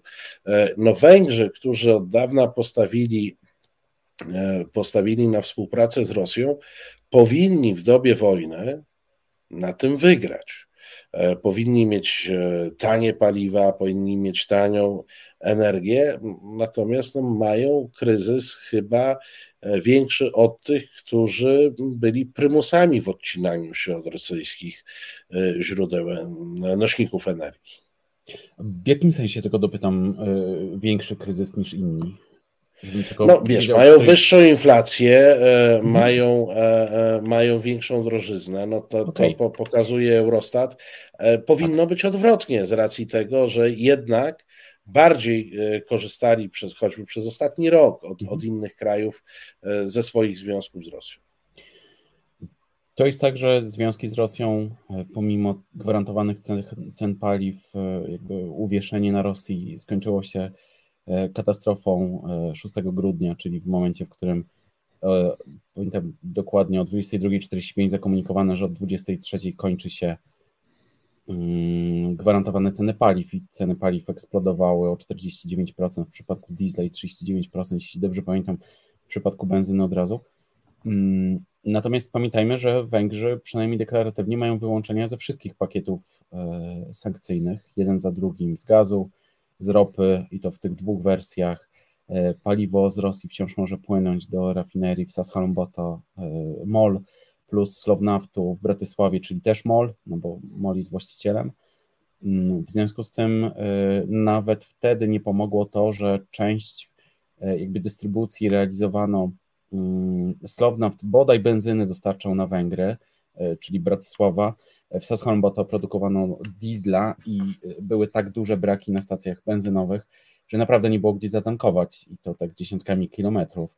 E, nawet nie było najdroższego paliwa później, więc to się skończyło. E, no, komunizm to nie jest nigdy dobra forma e, sprawowania władzy. Pod względem inflacji to jest też niesamowite, nawet nie tyle ogólnej, bo tam też już w grudniu, przepraszam, nie w grudniu, tylko w sierpniu trzeba było zmienić system dopłat bo okazało się, że za gaz Węgry zapłacą 10 miliardów euro więcej niż zakładali. To jest duży fenomen do dzisiaj, e, dlatego że we wrześniu 2021 roku, kiedy wszystkie państwa, w tym Polska, e, tutaj regiony ostrzegały, że Gazprom zaczyna wykonywać dziwne i niepokojące ruchy, które z perspektywy czasu wiemy, że były wprowadzeniem do lutego, do lutego 22, to Węgrzy podpisywali 15-letnią umowę gazową na dostawę e, gazu, plus zwiększali wolumen dostaw jeszcze w wakacje. No ale okazało się, że e, wówczas e, Tomasz Mencer, który jest wiceministrem spraw zagranicznych i handlu, powiedział, że nieważne ile Węgry płacą, grunt, że gaz mają. Mm, natomiast teraz jest coraz więcej głosów, że ten gaz będzie pozyskiwany już z innych źródeł. Cały czas jest oskarżanie oczywiście Chorwacji o to, że ma za małą przesyłowość możliwości e, dostaw tak, przez rurociąg Adria, jak i gazociąg e, przez Kirk, e, gdzie jest LNG. Jakby zapominając, że my jako Polska możemy spokojnie przez interkonektor polsko-słowacki i słowacko-węgierski dostarczyć ten gaz i nie ma żadnego problemu, no ale jakby ten kierunek przynajmniej na razie nie jest zapatrywany. No ale okazało się, że cała nowa, że tak powiem, polityka oparta o interwencjonizm państwa, w którym państwo zarządza dobrami, mówię tutaj o tym, że od roku obowiązują gwarantowane ceny produktów spożywczych i kiedy ktokolwiek idzie w Polsce do sklepu, to może sobie kupić jajek ile zechce, na Węgrzech niespecjalnie, nie tylko dlatego, że ich często nie ma, ale też dlatego, że można kupić na przykład jedno opakowanie na osobę, bo, bo są takie braki. No ale państwo zagwarantowało, no, zagwarantowało ceny e, stałe, maksymalne, tak samo z cukrem, mąką, piersią kurczaka i jeszcze innymi produktami. Najnowszym, najnowszym produktem, który tam doszedł, był właśnie jajka i ziemniaki. Natomiast susza też, która była w 2022 roku, e, była tak fatalna, e, tak nienotowana od przeszło 100 lat, że bardzo odbiło się to na, na gospodarce. To jest o tyle ciekawe, że w ogóle po raz pierwszy w historii zaczęto tak głośno mówić o tym, że węgierskie rolnictwo jest nieefektywne, że takie wielkie konsorcja, które, które funkcjonują, są zbyt scentralizowane, że państwo za bardzo się w to angażuje. No i to wszystko skutkuje tym, co widzimy obecnie, czyli tą inflacją. Też Eurostat liczy nawet inaczej niż KSH, czyli węgierski GUS. E, według Eurostatu ta inflacja w obszarze żywności w styczniu wyniosła 48,5%. No to dla porównania w Polsce to bodaj było 20% żywności i my już e, niektórym ciężko wiązać koniec z końcem. No to proszę sobie wyobrazić, jak mamy 48. I to jest tak na przykład, że mleko 2,8% jest w gwarantowanej cenie, ale 1,5% nie, więc jeśli nie ma mleka 2,8% e, w, w promocji, e, no to trzeba kupić to półtora, które kosztuje majątek. Masło potrafiło kosztować 15 zł w przeliczeniu za kostkę. E, więc teraz firmy zaczęły się prześcigać z kolei w rabatach w drugą stronę. No ale to wszystko się będzie działo bardzo powolnie, bardzo długo. No i też jakby tą inflację to nie tyle Rosja napędziła w dużej mierze, tylko wspólna polityka rządu i Banku Narodowego Węgier, które rok temu Mm, podejmowały, mówię o rządzie, decyzje o uwolnieniu e, gigantycznych pieniędzy i wpompowaniu ich na rynek. Chodziło o podwyżki wszystkie sektorowe, których e, była nieprawdopodobna liczba na nieprawdopodobną skalę. To wszystkie branże niemalże dostawały między 15 a 20%. E, a Bank Narodowy Węgier z kolei, mm, jakby polityka kredytowa była taka, że część kredytobiorców w ogóle nie spłaca kredytów od marca 2020 roku a inni mają zamrożone stopy na poziomie 1,75, w związku z tym dzisiejsze 13% niespecjalnie kogo się rusza, co oznaczało, że jakby konsumenci nie spowalniali, pomimo tego, że bank podnosił stopy procentowe e, w górę, w górę, w górę i w górę, no to nie odbijało się to na tym, żeby ludzie, e, żeby, żeby spowolnić czy schłodzić konsumpcję wewnętrzną. I dopiero teraz ona zaczyna spowalniać, kiedy naprawdę zdrożało już wszystko, a uwolnienie cen paliw w grudniu no, doprowadziło do, do skokowego wzrostu inflacji wszędzie, gdzie się dało. Natomiast jako ciekawostkę tylko przyznam, że 5 lutego, kiedy wprowadzono kolejny pakiet sankcji unijnych na, e, na wyroby ropopochodne, no to rząd Węgier e, wieszczył, że to będzie katastrofa, że, że ceny będą nieprawdopodobne. No to obecnie jest tak, że jeśli my w Polsce mamy mniej więcej 6,68 za benzynę, no to w Węgrzech jest 7,68, to jest mniej więcej złotówka różnicy. Natomiast okazało się, że e, ceny, e, e, że ceny paliw po 5 lutego nie dość, że nie wzrosły, to jeszcze spadły, czyli kompletnie odwrotnie niż rząd zapowiedział i powiedział, że będzie jeszcze gorzej. Natomiast i tak już bardzo wysoką inflację ratuje jeszcze jedna rzecz: niespotykanie dobra kondycja forinta, który w październiku jeszcze za euro kosztował 432 forinty, a teraz 370. W związku z tym odbicie Fira, e, Forinta od dna mm, gigantycznie ratuje e, i rachunek długu i tak dalej, i tak dalej. W związku z tym, gdyby nie to, że Forint się ma tak świetnie obecnie, no to ta inflacja byłaby no i pod 30%, co przez moment już wieszczono, że, że będzie 30 plus, co byłoby e, na mm, forum innych państw unijnych wynikiem jeszcze gorszym niż ten, który już jest. Dopowiedzmy tylko, że ten dobry kurs e, forinta po prostu powoduje, że towary importowane tanieją, w związku z czym e, no, dają, e, dają pewien odpór inflacji, oczywiście tak. na, na skalę, na, na jaką jaka jest relacja importowanych do rodzimych.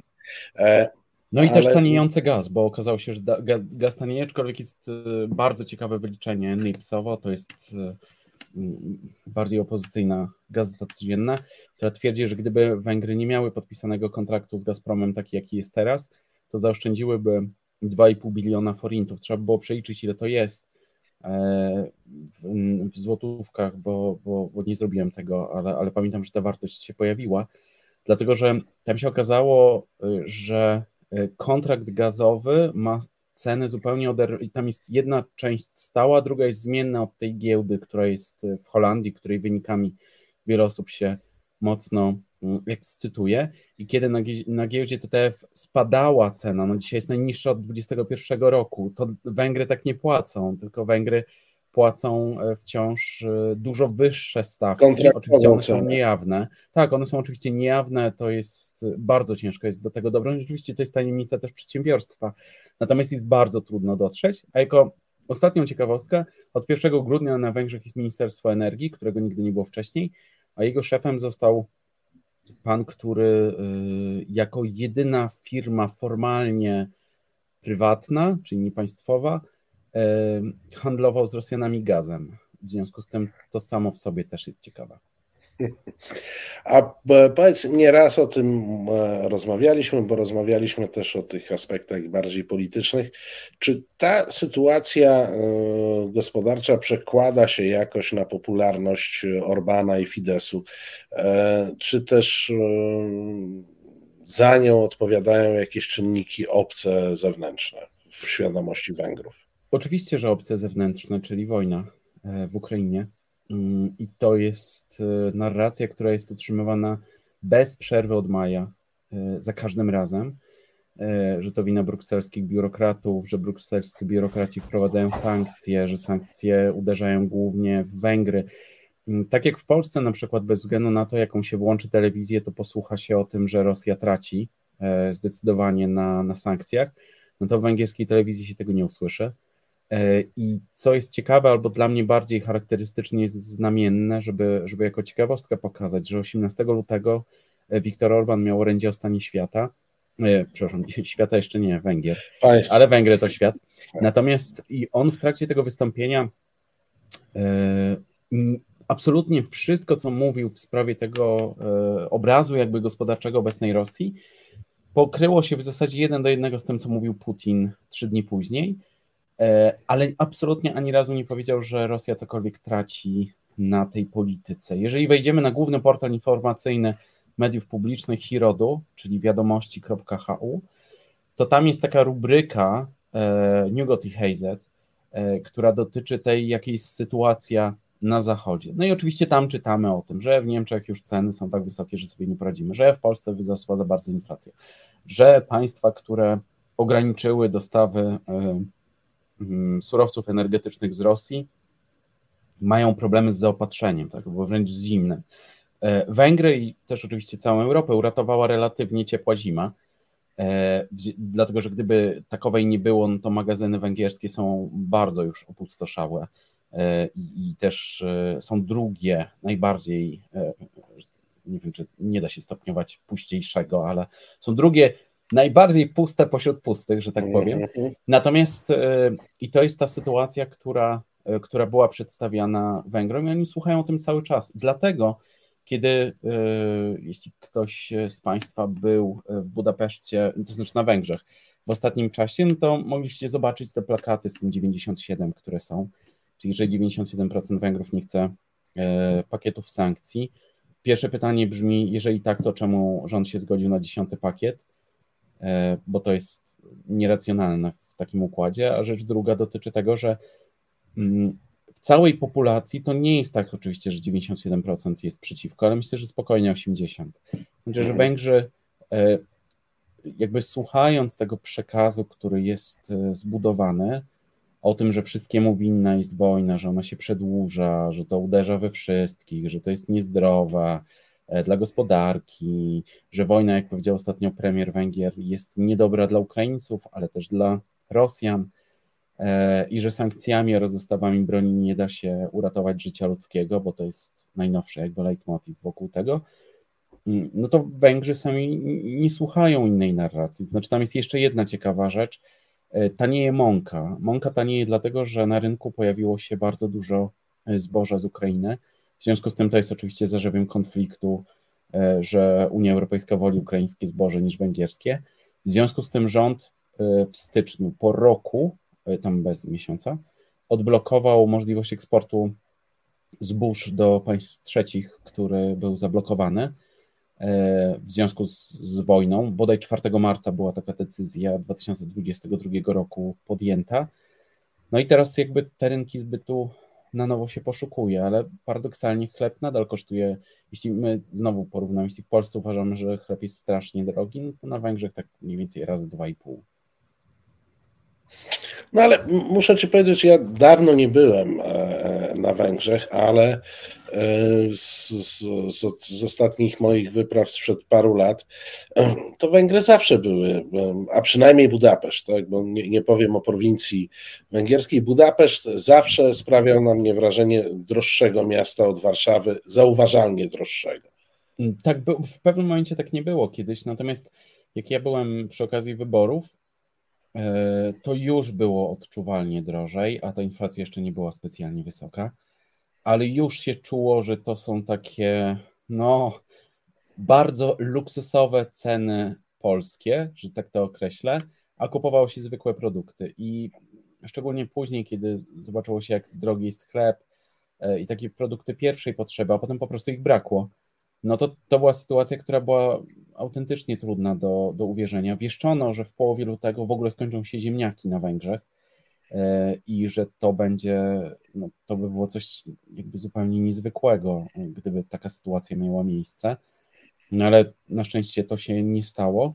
No ale jest tak, co brzmi oczywiście żartobliwie, ale jeżeli ktoś w tym się znajduje, to, to, to śmiesznie nie jest, kiedy się idzie wielodzietną rodziną po to, żeby każdy na siebie wziął przydział. Ja nie mówię, że to jest masowe i za każdym razem, ale mm, wokół Węgier, jak się porównało ceny, to dużo potrafili ludzie zaoszczędzić, nawet na Słowacji czy w Chorwacji, e, chociaż tam jest euro.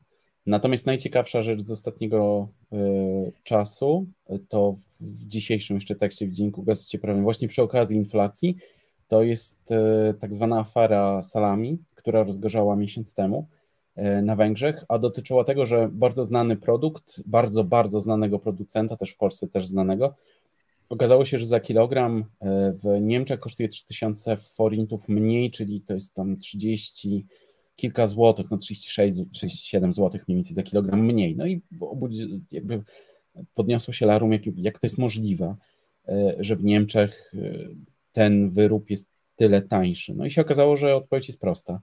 Na Węgrzech 27% VAT-u, w Austrii 10%, w Niemczech 7%. I rząd ma wciąż e, ten najmocniejszy argument wejścia na rynek, którym mógłby wejść, mógłby to zrobić, tak, co zrobił polski rząd. Ale tego nie robi, no bo zabrakło pieniędzy w budżecie. Czyli cały czas trzyma 27% VAT-u na bardzo wiele produktów e, spożywczych, w tym na przykład wszystko, co jest przetworzonym mlekiem. W związku z tym e, mleko jako mleko już nie pamiętam ile ma watu, jakby to podstawowe. Natomiast wszystko, co jest jakieś serki przerobione, ale też artykuły dla dzieci, które w Polsce mają bodaj 5% VAT-u, no to na Węgrzech mają 27%. W związku z tym, jeżeli się znowu przyrówna, jaki jest koszt e, tego produktu, no to jest coś, co jako ciekawostkę szybciej zdjęto VAT 27% na internet e, niż na drób. To było dość głośne w 2016 roku. No, z tego wynika, że internet y, jest bardziej pożywny. No, Węgry mają y, pier, w, w, czołówce państw z dostępem do internetu w Unii Europejskiej są w, w, pierwszej trójce, o ile nawet nie pierwsze albo drugie za Estonią. Więc, więc pod tym względem faktycznie są dość zdumiewające.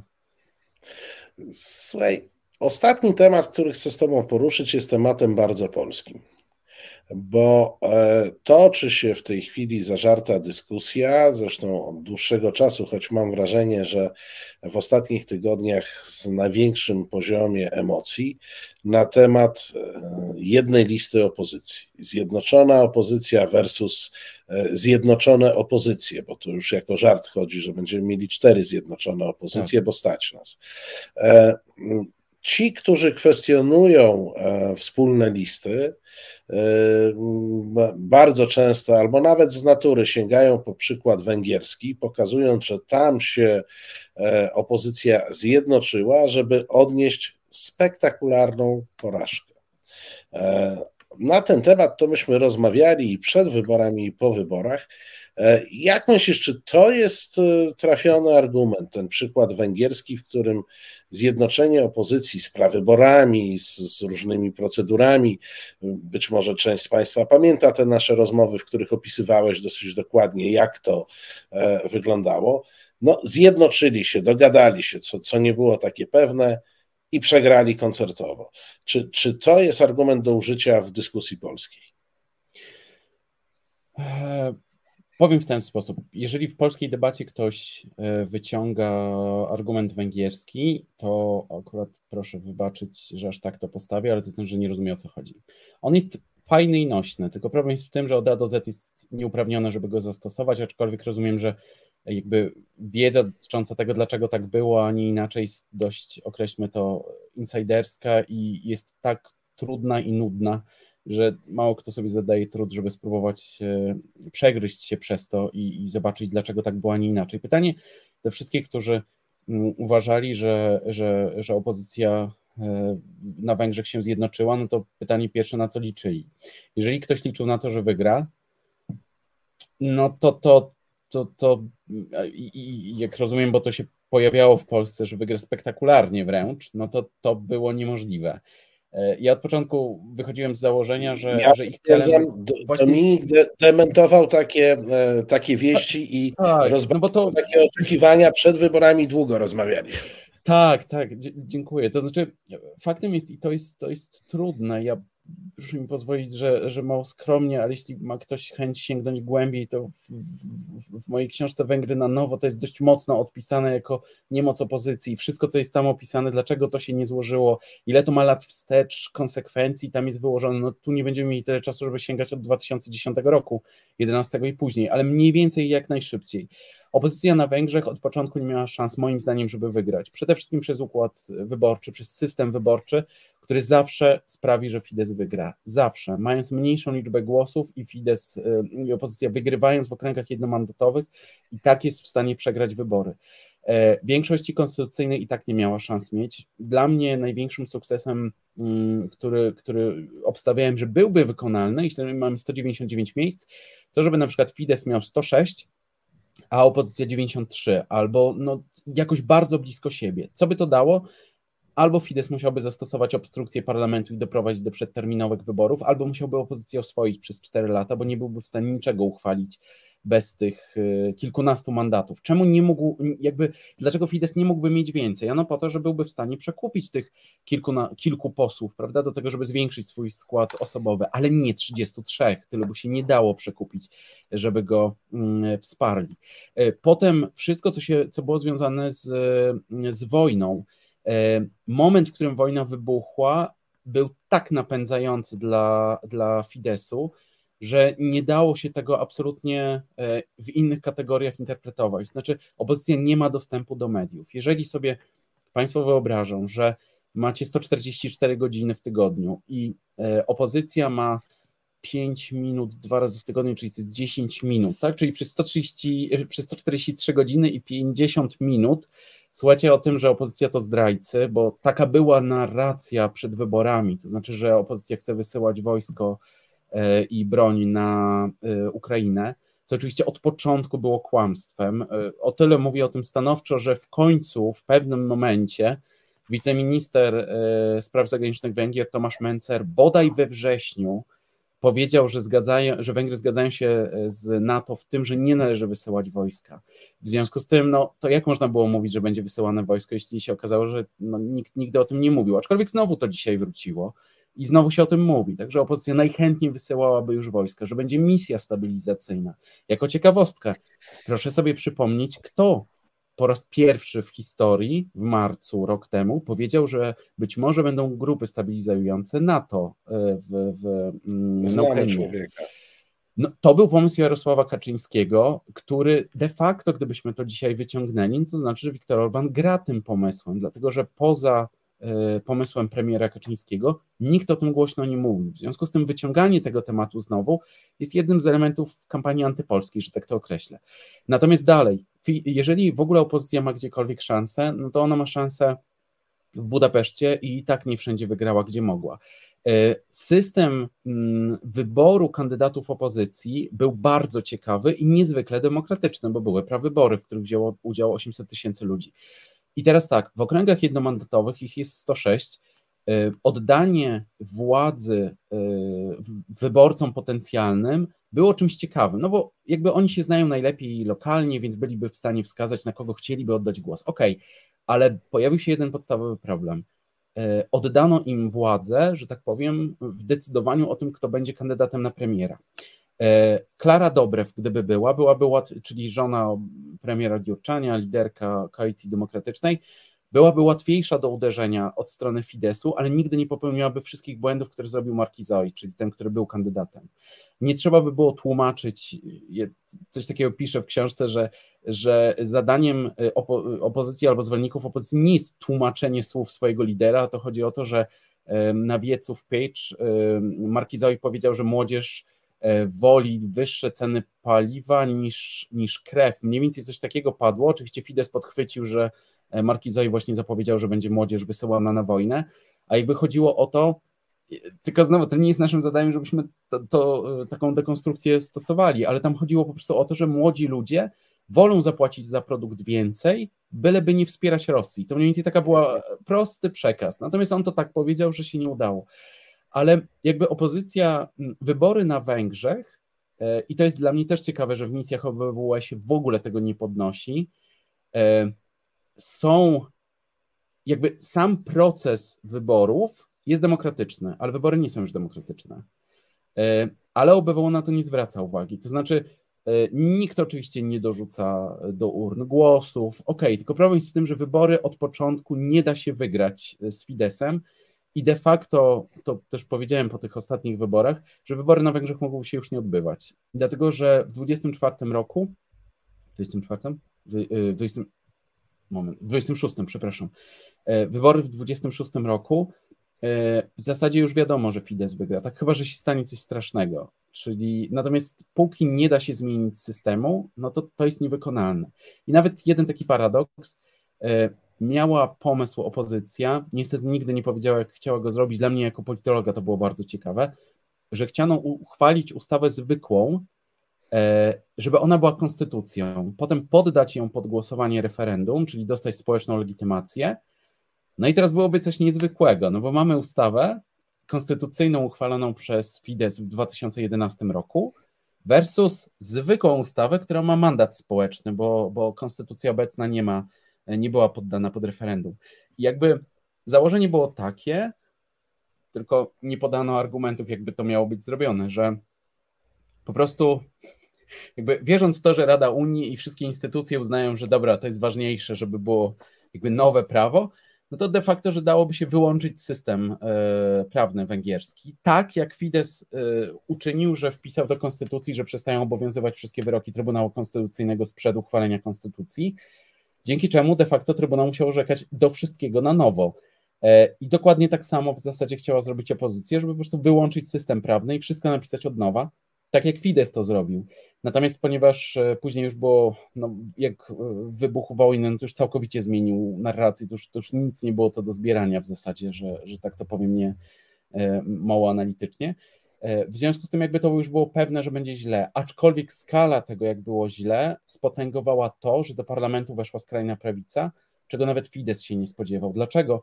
Bo jak się zaczął wieczór wyborczy, a słyszałem na własne uszy i widziałem własnymi oczyma, to e, szef prorządowego Instytutu Nils Pont powiedział, że jesteśmy pewni, że Fidesz nie będzie miał większości konstytucyjnej, po czym pobił rekord własnego poparcia.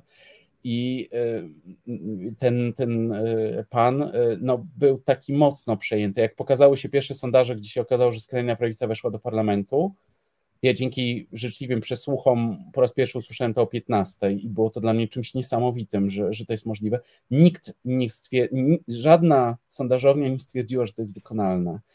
E, a w pewnym momencie Fidesz już nie wierzył, że będzie miał większość konstytucyjną, ale był pewien, że wygra.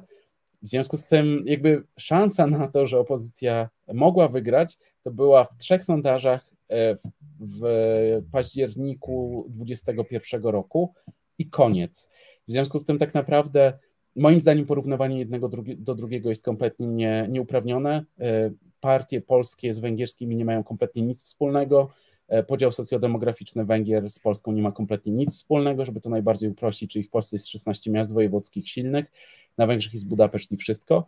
W związku z tym, no i kończąc na, na dostępie do mediów, którego nie ma, i na, na dostępie do jakby równości głosowania, tego jaka jest waga tych głosów, no i jakie są ordynacje zbudowane, to było nie do zrobienia. W związku z tym Polska to Polska, Węgry to Węgry. Tak, i z, też nie mówmy, że bratanki, bo to różnie, bo to różnie z tym. E, Historycznie bywa. tak, obecnie troszkę się rozjechaliśmy. E, Dominiku, bardzo Ci dziękuję, że znalazłeś dla nas czas. E, nieustająco e, polecamy e, książkę Węgry na nowo, bo to jest. Znaczy, ja mam wrażenie tak, że to jest, że to jest książka, która pozwala nam wyzwolić się z okowów własnych stereotypów i takiego polskiego spojrzenia na świat. Tam, tam, tam jest pokazany inny kraj, tak? Inny kraj, który często mm, jest porównywany do Polski. Myślę, że wielki wpływ wywarł na nas y, Jarosław Kaczyński, mówiąc o Budapeszcie e, w Warszawie. Y, ja uważam, że pewne fazy mm, z przemiany kraju są porównywalne, czyli to, co robił Viktor Orban, jest do jakiegoś stopnia e, powtarzane w dużej mierze przez PiS, ale to jest nadal inny kraj i Węgry na nowo, proszę Państwa, to jest miejsce, to jest książka, która jest miejscem, e, w którym możecie się o tym e, przekonać. Bardzo Ci dziękuję. Państwa i moim Bardzo gościem dziękuję. był dr Dominik Hej. Żeby spuentować tylko jako ciekawostkę, proszę życzliwie pamiętać, że po Buczy e, jedyne słowa, które na Węgrzech się mocno przebiły jako krytykę, to były słowa premiera Kaczyńskiego, który powiedział, że jeśli ktoś nie wie, co się stało w Buczy i nie widzi, to niech idzie do okulisty. No i wtedy faktycznie Viktor Orban musiał zareagować, czyli jego rzecznik powiedział, że, że Węgry wiedzą, widzą, co się stało w Buczy, ale domagają się międzynarodowego śledztwa, więc jakby ten posłuch no jest na Węgrzech mimo wszystko. Bardzo dziękuję jeszcze raz za możliwość spotkania. Dzięki, kłaniam się do usłyszenia. Do zobaczenia. Proszę Państwa, e, no tak jak słyszeliście, to jest e, inny kraj i tam jakoś tak, e, powiem tak, ja nie mam z tego powodu satysfakcji, ale powiem Państwu, że Obajtkowi, moi drodzy, udało się zarobić na rosyjskiej ropie, a Orbanowi nie no to Obajtek okazał się być trochę e, sprawniejszym. Proszę Państwa, czytam, czytam tę dyskusję, którą Państwo mieliście i o żywności, i o różnych innych, e, o różnych innych aspektach. Mm, pozwólcie Państwo, że, że ja też to jakoś skomentuję. Znaczy, wydaje mi się, że gdybyśmy przeszli y, z kategorii emocjonalno-wyznaniowych na kategorie racjonalne, E, to dużo łatwiej by nam się rozmawiało, bo padają argumenty emocjonalne, że w takim czy innym przypadku czegoś zabraknie i tym podobne rzeczy. No, nikt nie, proszę Państwa, nikt nie projektuje żadnych zmian pod kątem tego, żeby zabrakło żywności chociażby.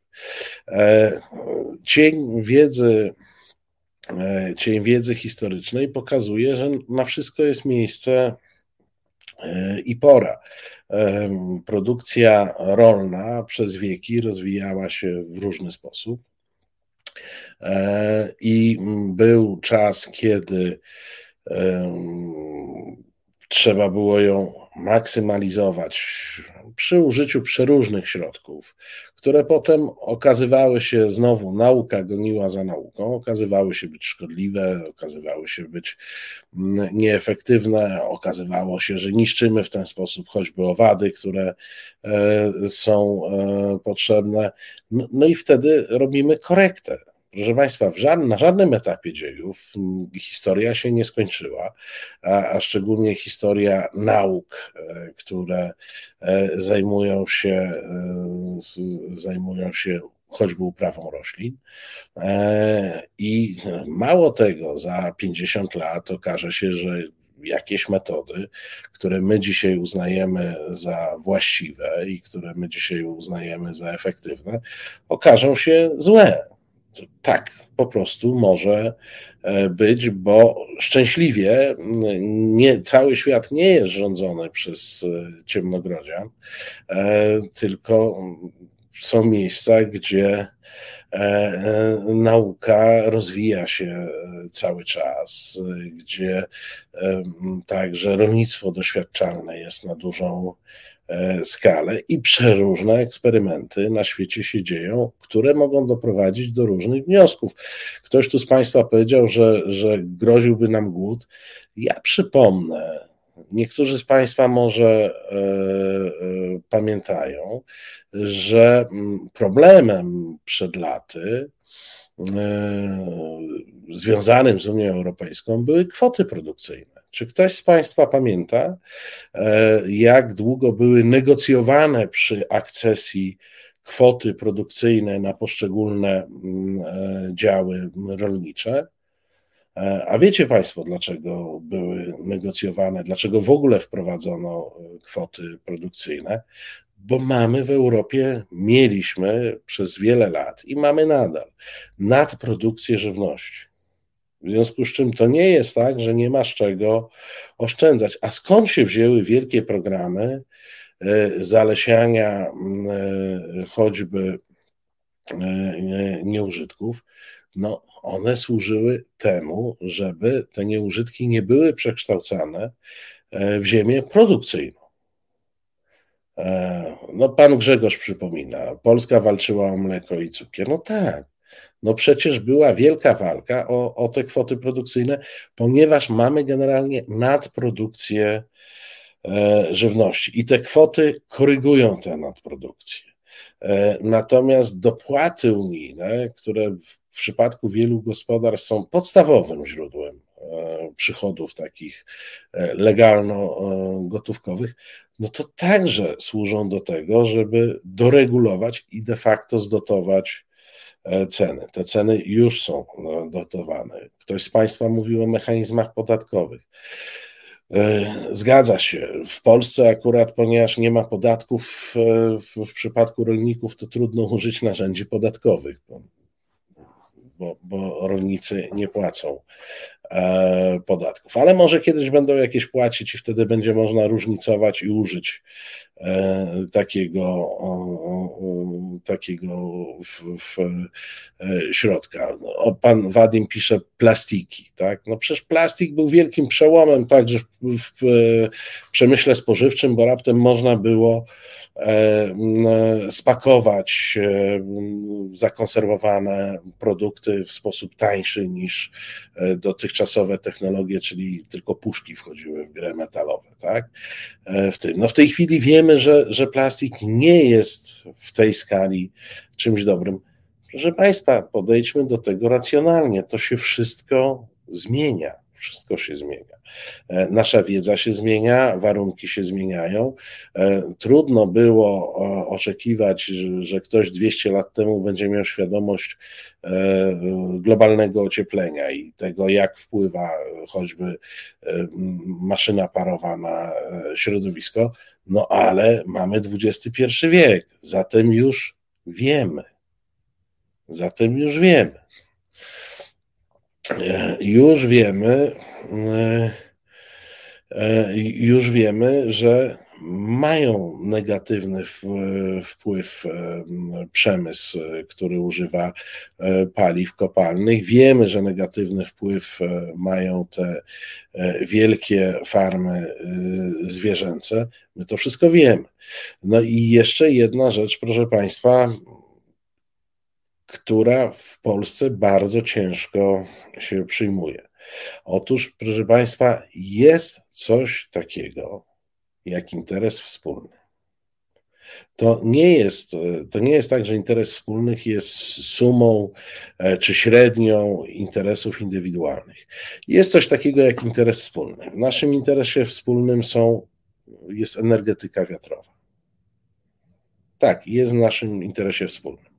I oczywiście mm, ktoś powie, że mu to psuje krajobraz, rozumiem. Miasta strasznie psują krajobraz, szczególnie te szydlozą, ale jest interesem wspólnym, żeby istniały. Interesem wspólnym jest energetyka wiatrowa, interesem wspólnym jest czyste powietrze, interesem wspólnym jest to, żeby populacja pszczół nie wyginęła. E, interesem e, wspólnym e, jest także to, żebyśmy mieli czyste rzeki, czystą atmosferę. Cała ochrona środowiska jest interesem wspólnym. Zatem powiedzenie sobie, że nasz średnio ważony interes indywidualny jest ważniejszy od interesu wspólnego, jest powiedzeniem sobie nieprawdy. Nie, proszę Państwa musimy e, walczyć z brudną e, energetyką e, dla naszych płuc, dla naszego zdrowia. Mm, tak, złem jest na przykład geotermia grzana węglem. Tak? To nie jest interes wspólny, to jest właśnie, to są interesy indywidualne z, z jakąś średnią. W naszym interesie jest zdrowa żywność. I to nie jest tak, że to chodzi o jakiś wymysł, żeby dokuczyć rolnikom. Przepraszam, to co rolnicy produkują trafia na nasze talerze i my dzięki temu będziemy zdrowsi bądź mniej zdrowi.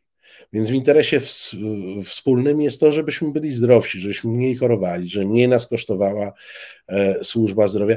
I tak można by wyliczać. Jeżeli odrzucimy e, emocje, a zejdziemy na e, racjonalne, oparte na wiedzy, na odkryciach naukowych, E, argumenty, to raptem się okaże, że cała ta rozmowa o tradycyjnym jedzeniu tego czy tamtego, czy tradycyjnym paleniu w piecu tym czy tamtym, to jest jakaś jedna wielka bzdura. To jest jakaś jedna wielka bzdura. To jest opowieść o niczym i to jest zawracanie kijem Wisły. E, I jeżeli dzieje się to w kraju peryferyjnym, takim jakim jest e, Polska, to to prowadzi tylko do tego, że e, przez dziesięciolecia walczyliśmy o to, żeby przestać być peryferiami, żeby dołączyć do pewnej cywilizacji, a w tej chwili z uporem maniaka walczymy o to, żeby od tej cywilizacji się odkleić i pozostać sobie jakimś skansenem, tak? Z, tak, tak jak kiedyś pe, pe, symbolem jakimś takim była ta furmanka na ogumionych e, kołach, tak? To teraz symbolem będzie co? Piec węglowy. Ludzie, dajmy spokój. E, te programy, o których mówimy, to są najczęściej programy budowane na wiedzy, programy e, budowane na przyszłość. Nie zawsze to jest tak, że one są do wdrożenia dzisiaj, bo na wszystko, proszę Państwa, przychodzi czas. Na wszystko, do wszystkiego muszą e, być określone warunki i społeczne, i ekonomiczne, i środowiskowe. No ale prawda jest taka, że ludzkość e, rządzi że ludzkość panuje nad światem dzięki temu, że potrafi się zmieniać i że potrafi myśleć.